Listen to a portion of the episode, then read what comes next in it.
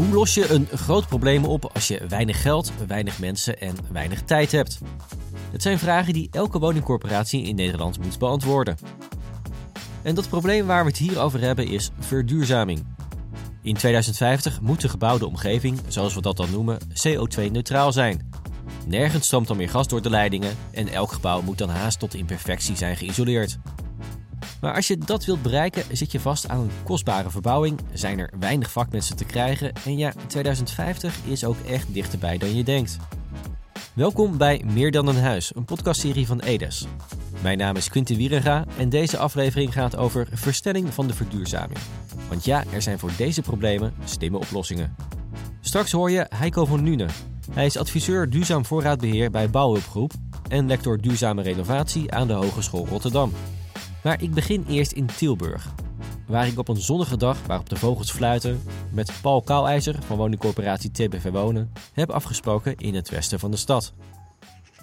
Ja, we staan in uh, Wandelbos, uh, Tilburg West, een uh, groene wijk uit de jaren 70 gebouwd. veel woningen van, veel dezelfde woningen. Je ziet eigenlijk veel repeterende eensgezinswoningen in, in rijtjes van, van acht. Met andere handen van de wijk wat hoogbouw. Een hele mooie groene setting. Ja, het heet niet voor niks Wandelbos, deze wijk. Ja, we staan op een stoepje bij de Kwendelhof en Dovernetelhof.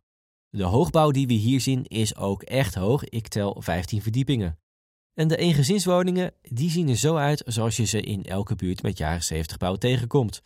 Een beetje het type woning wat een kind zou tekenen als je het vraagt om een huis te schetsen.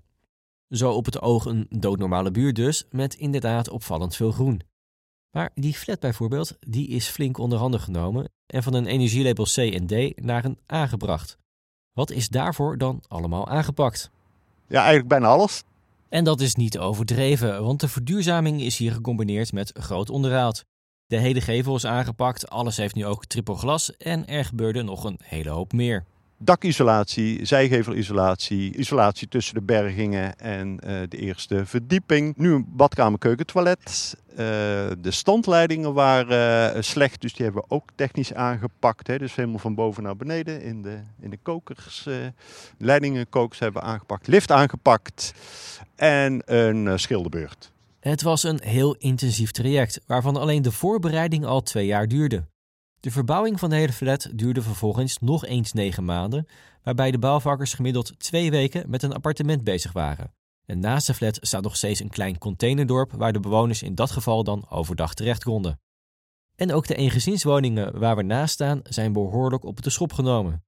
Dat gebeurde in nauwe samenwerking met een andere corporatie die in dezelfde wijk dezelfde woningen heeft. Samen met Woning Breeburg hebben we ook dezelfde aannemer uh, gekozen om ook weer uh, tempo uh, te maken en niet elke keer opnieuw te beginnen. En deze woningen zijn eigenlijk volledig aangepakt. Dus ook hier dubbel, nieuwe beglazing, nieuwe geïsoleerde voordeur, nieuw dak zit erop, nieuwe ventilatieinstallatie, zonnepanelen zijn aangebracht. Uh, kookgas eruit. Dat was trouwens ook bij de flat, had ik net te zeggen. En hier ook uh, een nieuwe uh, warmwaterinstallatie hebben aangebracht.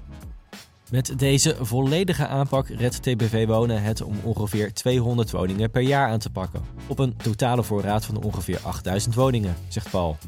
Maar zijn corporatie wil meer doen en heeft daar ook een aantal oplossingen voor bedacht. Daar gaan we straks op in. Eerst gaan we naar Heiko van Nune, die zelf ook veel corporaties adviseert. En ja, zegt hij, het is ook echt nodig om meer te doen. En eigenlijk kan niemand meer langer wachten. Ja, als je kijkt naar de opgave die er ligt richting 2050, dan kun je eigenlijk zeggen dat uh, nog heel veel woningen verduurzaamd moeten gaan, uh, gaan worden. Uh, als je naar heel Nederland kijkt, gaat dat over zo'n 7 miljoen woningen die nu nog moeten verduurzamen. Want dat zijn alle woningen die er staan. En voor de coöperatiesector zijn er 2,4 miljoen woningen. En die voldoen, de meeste daarvan voldoen in ieder geval nog niet aan de eisen en wensen die we stellen voor 2050. Dus we zullen echt nog stappen moeten maken. En die stappen gaan over het algemeen ook verder dan alleen maar na-isoleren en een zonnepaneel erop leggen. Klimaatdoelstellingen zijn de reductie van 80 tot 90 procent op CO2. En als je het daarover hebt, dan, dan zul je echt grote stappen moeten gaan maken. En je ziet dat de gebouwde omgeving op dit moment zover nog niet is. Dat laatste klinkt verontrustend. Hebben we dan niet voldoende tijd en kunnen we de doelen van 2050 niet halen door simpelweg gewoon stapje voor stapje te zetten? Dat kan. Uh, je, je, kunt stapje voor stapje daar naartoe uh, gaan. Maar je moet wel rekening houden dat gebouwen uh, middelen zijn waar je eens in de zoveel tijd iets gaat doen. Je gaat niet ieder jaar iets, iets doen. Dus je kunt wel zeggen, ja, ik ga nu maar een klein stapje doen. Maar dan moet je in je achterhoofd eigenlijk wel al meteen plannen van ja, wanneer ga ik dan de volgende stappen doen? Want in 2050 zal de, de gemiddelde ambitie in Nederland of de gemiddelde prestatie in Nederland zal toch op dat niveau weer moeten, moeten gaan liggen. En dat lijkt nu nog heel ver weg. Maar woningen die je volgend jaar gaat renoveren, die komen eigenlijk pas na 2050 weer aan, aan bod. Dus je moet of een goed plan hebben om alles nu in één keer te doen voor die woning, of een goed plan hebben om het stapsgewijs te gaan doen, maar dan wel al een aantal momenten daarvoor inplannen richting 2050. En zegt hij over dat laatste, eigenlijk heb je daar dan een andere manier van denken voor nodig. Want corporaties denken nu nog vaak, ja, laten we zeggen, traditioneel, ziet hij. Ik denk nog dat er een, een, een omschakeling nodig is uh, waarin je uh, alles op complex niveau gaat, uh, gaat doen. En dan ben je heel vaak gebonden aan dat ene moment waarop je alles gaat doen. Um, maar dat er eigenlijk veel meer een behoefte is om te kijken van wat heeft een gebouw op welk moment nodig. Um, dan kun je namelijk ook de juiste stappen gaan ondernemen om die duurzame ambities waar te maken. Maar ook zonder um, ja, eigenlijk de waarde die de woning nu nog heeft te niet te doen. Ik bedoel, het is uh, gek dat we een woning en een gevel en een dak gaan renoveren als de gevel nog goed is. Kijk dan dat je bijvoorbeeld wel het dak doet, maar dat je weet dat over tien jaar die gevel aan de beurt is. Plan die gevel dan in dat die eindambitie wel behaald gaat, gaat worden. En wat je nu nog heel veel ziet, is dat het complex denken, dat dat nog steeds uh, voorop staat. heel logisch, omdat het de ordening is zoals corporaties dat al, al jaren doen. Maar je zou dat los kunnen laten en naar onderdelen van die woning kunnen kijken. En de onderdelen vervangen op het moment dat het nodig is. Laat dus dat complex denken los, zegt hij. Je hoeft niet gelijk de complete woning op de schop te nemen. Je kan het ook stap voor stap doen. Dus eerst nu de daken en over 10 jaar de ramen. Eigenlijk dus zoals veel particuliere woningbezitters het nu doen. Dat doen ze nu ook al bij TBV Wonen. Want ja, die flat en die rijwoningen waar we staan, die zijn helemaal aangepakt. Maar als je alleen voor die volledige renovatie gaat, dan loop je al snel tegen je grenzen aan, merkten ze. Dan zit je dus met 200 woningen wel aan je tax. Die volledige renovatie noemt Paul Kaalijzer de eerste investeringsstroom. Maar hij ziet ook een tweede investeringsstroom waarbij je stap voor stap zet. We zien wel mogelijkheden om een tweede nieuwe investeringsstroom uh, te gaan maken, waarin we periodiek onderhoud combineren met ingrepen in de schil. Bijvoorbeeld als we langskomen voor het schilderen, dat de schilder tevens dan de beglazing vervangt naar HR++ glas. Of als we toch bezig zijn met uh, de gevel, de gevel reinigen, dat we dan tevens spouwmuurisolatie. En zo kun je als het ware met een vrij makkelijke ingreep, zonder dat je ook de woning binnen hoeft, dus ook de bewoner niet hoeft lastig te vallen, zien wij mogelijkheden om, uh, om meer woningen uh, te gaan isoleren maar niet de hele schil, maar een deel van de schil. Maar dan doe je toch wel een stap richting de totale isolatie van de woning. En naast het vervangen van de ramen en het aanbrengen van muurisolatie, ziet TBV Wonen ook mogelijkheden om versneld zonnepanelen te plaatsen. Daar zijn we twee jaar geleden mee begonnen. En dat doen we per complex, hè, die geschikt zijn voor zonnepanelen. Qua ligging en hè, uh, qua ook uh, aansluiting op, het elektriciteitsnet. Nou, eigenlijk was dat in 2021 weinig belangstelling voor. Want dat bieden wij dan aan en dan kunnen onze bewoners daarop inschrijven. En we zien vanaf dit jaar dat uh, nou, bijna 70% van de bewoners neemt daar een deel. En dat doen we met de formule 1 plus 1. Dus één gratis en één leidt tot een bedrag van 2,50 euro per paneel. En we zien nu dat 70% van de bewoners meedoet. Dus we gaan meer complexen uh, dit jaar en ook volgend jaar uh, in, die, uh, in de versnelling gooien. Zodat we volgend jaar 600 woningen voorzien van zonnepanelen. En dan doen we dat ook in 2024. En dan hebben we eigenlijk in 2024 bijna alle eensgezinswoningen voorzien van zonnepanelen. Dus dat is echt wel een wezenlijke verschil. Ja, nog even over dat bedrag. De huurder krijgt dus de helft van de zonnepanelen van TBV Wonen. En voor de andere helft wordt dan een huur van 2,50 euro per maand gerekend. Met deze methodes worden dus kleinere stappen gezet die de huurder natuurlijk ook rechtstreeks merkt. Ja, want over die huurder gesproken, die betaalt een minder hoge energierekening en zit er letterlijk warmer bij. Wat zeker in deze tijd voor veel huurders natuurlijk ontzettend fijn is. Maar leveren al deze maatregelen de corporatie ook financieel iets op? Ja, niks. Het is uh, 100% cash-out.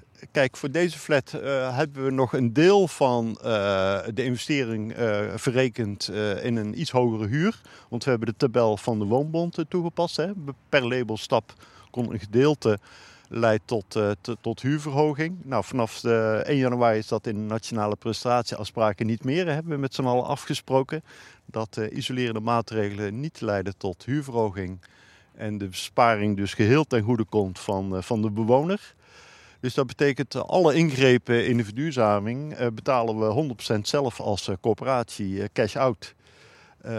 nou, daar hebben we denk ik wel overwogen hè, de handtekening ondergezet onder nationale prestatieafspraken. Dus daar staat TBV Wonen ook voor. Maar dat betekent wel dat, ja, dat er een flinke investeringskosten aan gemoeid zijn met die verduurzaming. TBV Wonen is financieel gezond en kan het op dit moment nog allemaal betalen, zegt Paul Kouwijzer. Maar ook Heiko van Nune noemt de hoge kosten voor verduurzaming een probleem.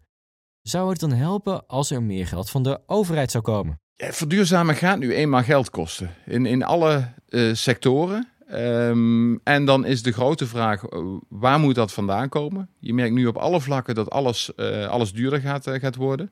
Dus als je het wonen duurder zou willen maken voor de bewoner, uh, dan zal er aan de inkomenskant geld, uh, geld bij moeten komen. Uh, ja, je kunt de lonen ook niet vrij laten stijgen, zodat mensen dat kunnen betalen. Dus als je dan de bovenkant daarin zou kunnen stoppen, ja, dan, dan helpt dat zeker in de, in de verduurzamingsopgave. Alleen de vraag is natuurlijk wel van ja, linksom of rechtsom, er moet wel geld beschikbaar zijn daarvoor. En ik denk dat dat wel een spagaat is waar, uh, ja, waar we nu ook in zitten. Dat uh, huurders het niet kunnen, kunnen betalen, corporaties voor een deel kunnen betalen. Maar de overheid wil het misschien wel, maar kan het ook niet zomaar bijdragen. En over de overheid gesproken, die zorgt zelf bovendien voor de nodige vertraging, zegt hij. Want er is vooral tot nu toe heel lang gesproken over wat er moet gebeuren. Eerst op landelijk niveau, vervolgens in de zogeheten RES, de regionale energiestrategieën, en pas sinds kort hebben gemeentes nu een warmtevisie. En je merkt nu pas dat langzamerhand een klein beetje duidelijk wordt, ook voor gemeentes, wat waar gaat komen. Waar komen warmtenetten? Waar moet men het met warmtepompen gaan doen? Waar gaan we het weer op een andere manier doen? Dus dat begint nu pas een klein beetje duidelijk te worden. Terwijl corporaties gewoon door hebben moeten gaan met hun complexen en hun woningen. Om die verduurzaming in te, uh, duidelijk te maken. En zelfs op dit moment is nog niet helder in buurten en wijken wat er precies gaat komen. Dus is het nog steeds maar een, een aanname over, nou ja, we denken dat hier ooit een keer een warmtenet komt, dus we gaan de woningen voorbereiden. En in deze buurt denken we dat het niet gebeurt, dus laten we hier maar kijken wat we met, uh, met bijvoorbeeld met warmtepompen kunnen gaan doen.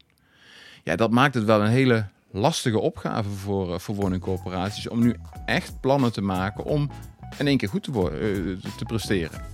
Een gebrek aan een concrete visie dus. En daarnaast is er nog een categorie aan wat je praktische problemen kunt noemen. Zo hebben ze in de wijk waar ik met Paul Kouwijzer in Tilburg sta wel een warmtenet, maar was de verzwaring van het elektriciteitsnetwerk weer een probleem. De netbeheerder al daar kon niet zo snel het netwerk aanpassen, zodat alle zonnepanelen konden worden aangesloten. Met als gevolg dat van een rij straten de zonnepanelen er een jaar lang ja, voor de sier op hebben gelegen. En Paul ziet in de praktijk nog meer van die problemen. Daar zijn nog twee andere factoren die ook meespelen over, eh, voor het tempo van de verduurzaming. Uh, dat is toch ook de beschikbaarheid van materialen. Uh, kijk, hier hebben we een relatief eenvoudige installatie beproefd kunnen toepassen. Maar bijvoorbeeld warmtepompen zijn op het ogenblik bijna niet te verkrijgen. Hè. Er zit gewoon een besteltermijn van, van nou, bijna een jaar op al. In een andere wijk hebben we daar echt last van gehad. Daar konden we tempo niet, niet volhouden. Uh, ook met die hele verstoring van de logistieke keten hè, vanuit uh, China speelde, speelde daarmee. Dus de beschikbaarheid van materialen is echt, uh, echt ook een item. want je kunt het wel bestellen, maar besteldatum blijft onzeker. Dus dat is ook wel een factor die gaat, gaat meespelen. Uh, en bepaalde uh, technici zijn ook uh, moeilijk te verkrijgen. Hè? Dus installatiebureaus voor elektriciëns. dat, ja, dat zijn schaarse beroepen aan het worden. Dus daarom proberen we ook tot meerjarige contracten af te sluiten met onze aannemers. Zodat zij ook weer meerjarige contracten kunnen afsluiten met hun onderaannemers. Zodat je van tevoren weet uh, dat de capaciteit beschikbaar is.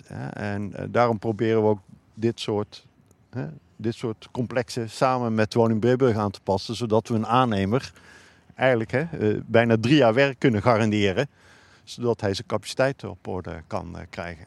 Treintjes maken noemt hij dat. Zorgen dat er een goede voorraad ligt en je de hele tijd door kan denteren.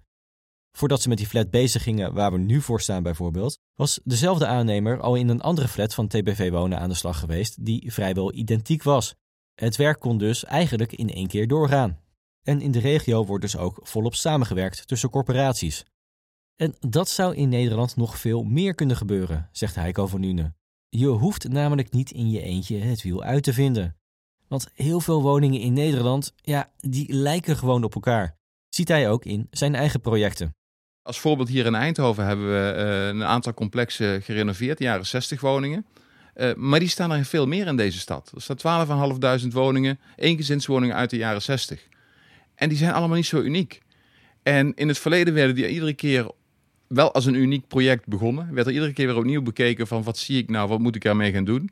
Terwijl je eigenlijk weet wat je aan zult treffen. Hè. Natuurlijk zitten er wat variaties in, maar in essentie zijn de problemen hetzelfde en zijn, zullen de oplossingen ook grotendeels hetzelfde zijn. Dus er zit een, een, een zekere mate van herhaling in. Alleen op een of andere manier willen of kunnen we die niet uh, ja, ten volle benutten daarin. En je ziet nu langzamerhand wel die slag komen. Dat er wordt gekeken, die zijn allemaal wel hetzelfde. Wat kunnen we daarvan gebruiken? Kunnen we ja, conceptmatig gaan werken of projectoverstijgend gaan werken? Maar dat is echt wel iets van, van de laatste paar jaren eigenlijk. Eh. En ja, dat, dat is niet in één keer omgezet en dat moet langzaam groeien. Maar ik denk wel dat als we het hebben over versnelling en over de doelen richting 2030 en 2050, dan ligt daar de sleutel. Dat we niet ieder project als project op gaan pakken, maar projectoverstijgend. Projectoverstijgend dus, en dat zou je zelfs nog verder kunnen doortrekken, zegt hij. Want we hebben ook 5 miljoen particuliere woningen. En die moeten ook in 2050 aan de duurzaamheidsnormen voldoen. Er is nog weinig kruisbestuiving tussen de particuliere sector en de corporaties. En dat is, als je er goed over nadenkt, vreemd. Terwijl eigenlijk de, in techniek die woningen gewoon precies hetzelfde zijn. Dus um, ik denk ook dat er voor, voor beide sectoren ook wat uh, uh, winst te behalen is. Juist om die herhaling veel meer te benutten. Door identieke gebouwen ook op een identieke manier te benaderen. En natuurlijk, die particulier moet zijn eigen uh, financiering gaan, gaan regelen daar, daarin. Maar in essentie zijn de woningen gewoon hetzelfde. En zeker bij corporaties met uh, bijvoorbeeld gespikkeld bezit daar, uh, daarbij. Ook een hele lastige opgave. Van ja, wat, je wil liefst op een, op een bouwblok iets gaan, uh, gaan doen. hoe ga je die mensen daarin meekrijgen? Nou ja, hun woning is gelijk aan die huurwoning. Dus ook daar kunnen we wel versnelling in maken. En dat zou misschien betekenen dat we richting de, de, de uitvoerende partijen, de, de aannemers, een grotere markt kunnen hebben waarin daar voordelen, prijsvoordelen, inkoopvoordelen, waar de corporaties ook weer uh, ja, hun voordeel mee kunnen doen. Dat is misschien nu nog wat lastiger op te starten, maar projectmatig werken, dat kan je wel een stuk sneller regelen. En dat levert dus niet alleen snelheid op, maar is ook financieel een stuk gunstiger. Ik denk dat je ziet dat als je naar een project kijkt, dat de, de kosten die je nu maakt uh, bedragen 1 euro zeg maar, voor, uh, voor de directe kosten, gewoon het realiseren van een project. En er zit eigenlijk wel 50% organisatie en planbedenken in. Nou, als je daar al voor die 50 cent, als je dat terug kunt halen naar de helft bij wijze van spreken, heb je in één keer ook veel meer ruimte om woningen te gaan renoveren. Dus kun je dit geld ook inzetten daar waar het daadwerkelijk nodig is. Dus wie zou dan regie moeten nemen? Nou ja, ik denk uiteindelijk de opdrachtgevers zelf, als ze inzien dat die herhaling leidt tot, uh, tot, tot meer financiële middelen, meer slagkracht om daadwerkelijk woningen te, re te renoveren, ja, dan, dan wordt het een hele logische manier om zo te gaan, uh, te gaan werken. Kijk dus waar je kan samenwerken, kijk wat al bekend is en kijk ook wat je stapje voor stapje kunt doen. Terwijl je ten alle tijden wel die horizon van 2050 in zicht houdt. In Tilburg zijn ze daar dus al mee bezig. En dan is de vraag: is Paul Kouwijzer daardoor optimistisch? Oftewel, die CO2-neutrale gebouwde omgeving, gaan we dat over 27 jaar halen. Nou, wij liggen in ieder geval eh, goed op schema.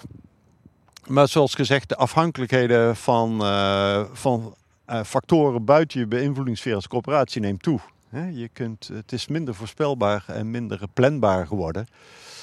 Maar ja, stevig doordouwen, dat, dat breng je al heel ver. En dat zijn we ook echt van plan. Ja, en of we dan precies gaan halen, dat, dat kan niemand voorspellen. maar met die grote afhankelijkheden kunnen we heel eind komen, denk ik, als TBV worden. Ja, de toekomst laat zich inderdaad lastig voorspellen. Er zijn dus flinke uitdagingen waarbij je niet alle kaarten zelf in je hand hebt. Tegelijkertijd kan je dus wel ondanks al die onzekerheden al flinke stappen zetten. En je hoeft als corporatie dus niet per se de hele woning aan te pakken. Laat het complex denken los. Kijk wat nu nodig is en werk zoveel mogelijk samen. Als je daarbij 2050 scherp in het vizier houdt, dan ga je er wel komen. Dit was het voor deze aflevering van Meer dan een huis, een podcastserie van Edes. Wil je meer horen? Ga dan naar de website van Edes of zoek ze op in je favoriete podcast-app. Mijn naam is Quinty Wierenga. Dank voor het luisteren.